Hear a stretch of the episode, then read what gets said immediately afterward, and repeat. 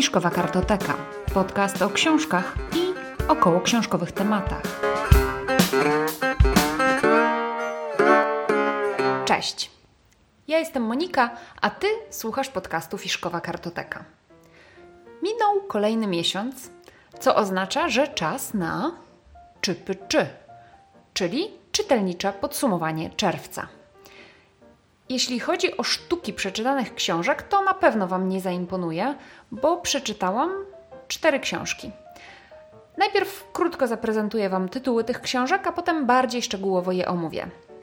Jeśli taki temat Was interesuje, to zapraszam do słuchania dalej. Chronologicznie od najwcześniej skończonej książki do najpóźniej skończonej książki mój czytelniczy czerwiec, czypyczy, czytelnicze podsumowanie czerwca wyglądało następująco. Tracę ciepło Łukasza Orbitowskiego z wydawnictwa Sine Qua Non, Morderstwo w winnicy M.L. Longworth, wydawnictwo Smak Słowa, Serotonina Michelle Welbeck, wydawnictwo WAB, Design tamtych czasów Wojciech Grabowski, wydawnictwo Nisza. Oczywiście, jak to ja, czytałam zdecydowanie więcej książek, ale jeszcze ich nie skończyłam, więc mówię tylko o tych czterech. Liczę na to, że lipiec pozwoli mi na zakończenie tych książek. O pierwszej książce z listy znajdziecie cały osobny odcinek podcastu. Zajrzyjcie proszę do przedostatniego odcinka Fiszkowej Kartoteki. Tam czeka na Was pełna recenzja książki Tracę ciepło Łukasza Orbitowskiego. Pokrótce o niej powiem, że jest podzielona na, trzy części i zdecydowanie najbardziej podobała mi się pierwsza część, bo im dalej w las, im dalej w książkę, tym czułam większy chaos i tym mniej mi się ta proza Łukasza Orbitowskiego podobała. Jednak w tym odcinku Fiszkowej Kartoteki przedostatnim mówię o tym, że to jest debiut e, Łukasza Orbitowskiego. Wspominam troszeczkę o jego wywiadzie dla gazety i, i mówię, dlaczego ta książka jest tak chaotyczna i taka, taka dziwna tak naprawdę pod koniec. Ja bardzo chętnie sięgnę jeszcze po inne książki Łukasza Orbitowskiego. W pierwszej kolejności na pewno po jego ostatnio wydany Kult, który już czeka na mnie, a właściwie ja czekam e, na Kult, ale muszę chwileczkę odpocząć od e, tego autora. Dokończę inne książki i wtedy sięgnę właśnie po Kult. Druga powieść, skończona w czerwcu, to otrzymany od wydawnictwa Smak Słowa kryminał Morderstwo w winnicy francuskiej autorki M. L. Longworth. Jej nazwisko wprawdzie nie brzmi francusko, ale pochodzi z Francji i o Francji pisze ta autorka. Kryminał Morderstwo w winnicy jest trzecią książką w cyklu Verlac i Bonnet na tropie. Poprzednich książek z tej serii nie czytałam. Niestety moje pragnienie dobrego kryminału nie zostało zaspokojone tą książką. Według mnie jest to słaby kryminał. On ma miejsce akcja tego kryminału ma miejsce we Francji, a dokładnie w Prowansji. Właściwie śledzimy jednocześnie rozwiązania dwóch spraw: zniknięcia drogocennych win z piwnicy winiarskiej, a także zabójstwa różnych kobiet, które wydają się mm, nie mieć w ogóle żadnych powiązań między sobą, nie są w ogóle związane, przynajmniej tak się na pierwszy rzut oka wydaje. Ostatecznie rozwiązanie jest według mnie mocno naciągane i niesatysfakcjonujące, Według mnie zabrakło tutaj motywu dla głównej zbrodni, co jeśli chodzi o kryminał, jest sporym błędem, bo rozwiązanie i motyw e, zbrodni jest dosyć kluczowym elementem fabuły. Dlatego według mnie to psuje bardzo tę książkę. Dodatkowo sporo było według mnie tutaj wątków pobocznych, które w ogóle nic nie wnosiły. Na przykład był taki wątek e, dzieci urodzonych w trakcie II wojny światowej i tuż po II wojnie światowej, dzieci par mieszanych niemiecko-francuskich, które ponoć jest sporym problemem tam we Francji, natomiast według mnie ten wątek w książce był zupełnie niepotrzebny i nic nie wnosił do fabuły samego kryminału. Ponadto irytowały mnie takie dodatkowe szczegóły, mm, bardzo szczegółowe opisy każdego detalu, mm, spożywanych potraw, oczywiście bardzo wyrafinowanych, pitych win, mm, wyjątkowo dobrych i francuskich oczywiście, drogich cygar oraz ekskluzywnych samochodów i jakichś takich innych nadmiarowych według mnie fragmentów francuskiego burżuazyjnego życia. One dawały wprawdzie tej książce dużo objętości, ale według mnie nie dawały żadnej wartości do treści tego kryminału.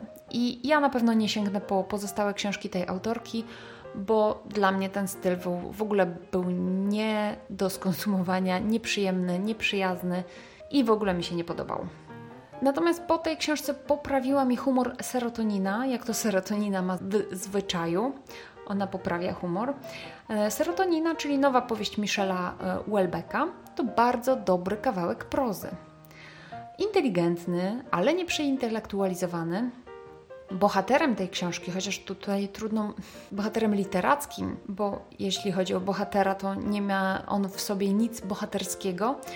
W każdym razie bohaterem literackim serotoninem jest e, Florent Claude, doradca Ministerstwa Rolnictwa, bardzo dobrze sytuowany, ale też niestety cierpiący na depresję, e, który, żeby zwalczyć tę depresję, zażywa antydepresanty o wielu skutkach ubocznych.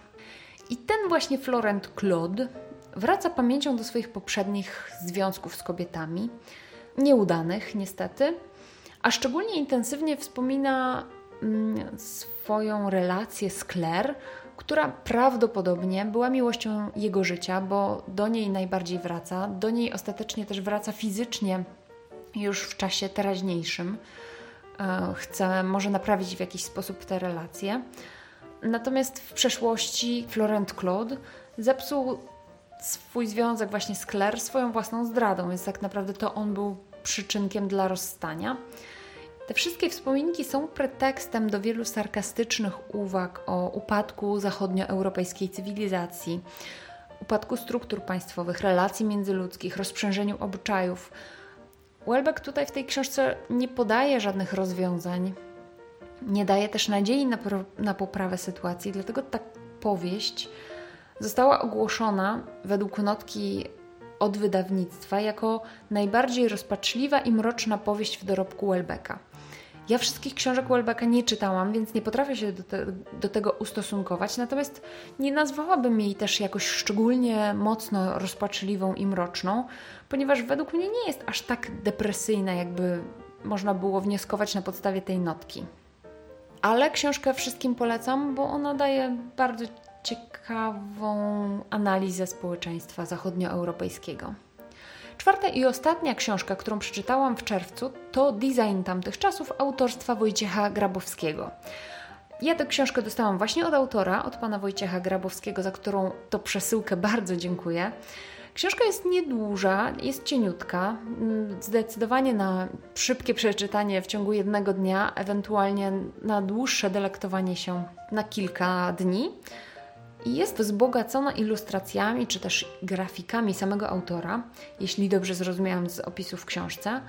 Mm, ta książka, czyli Design tamtych czasów, to 15 króciuteńkich opowiadań, chociaż też trudno mi jest to nazwać opowiadaniami. To są takie krótkie opisy wrażeń, jakieś krótkie impresje na temat przedmiotów z lat PRL-u, czyli z dość szerokiego wycinka czasu.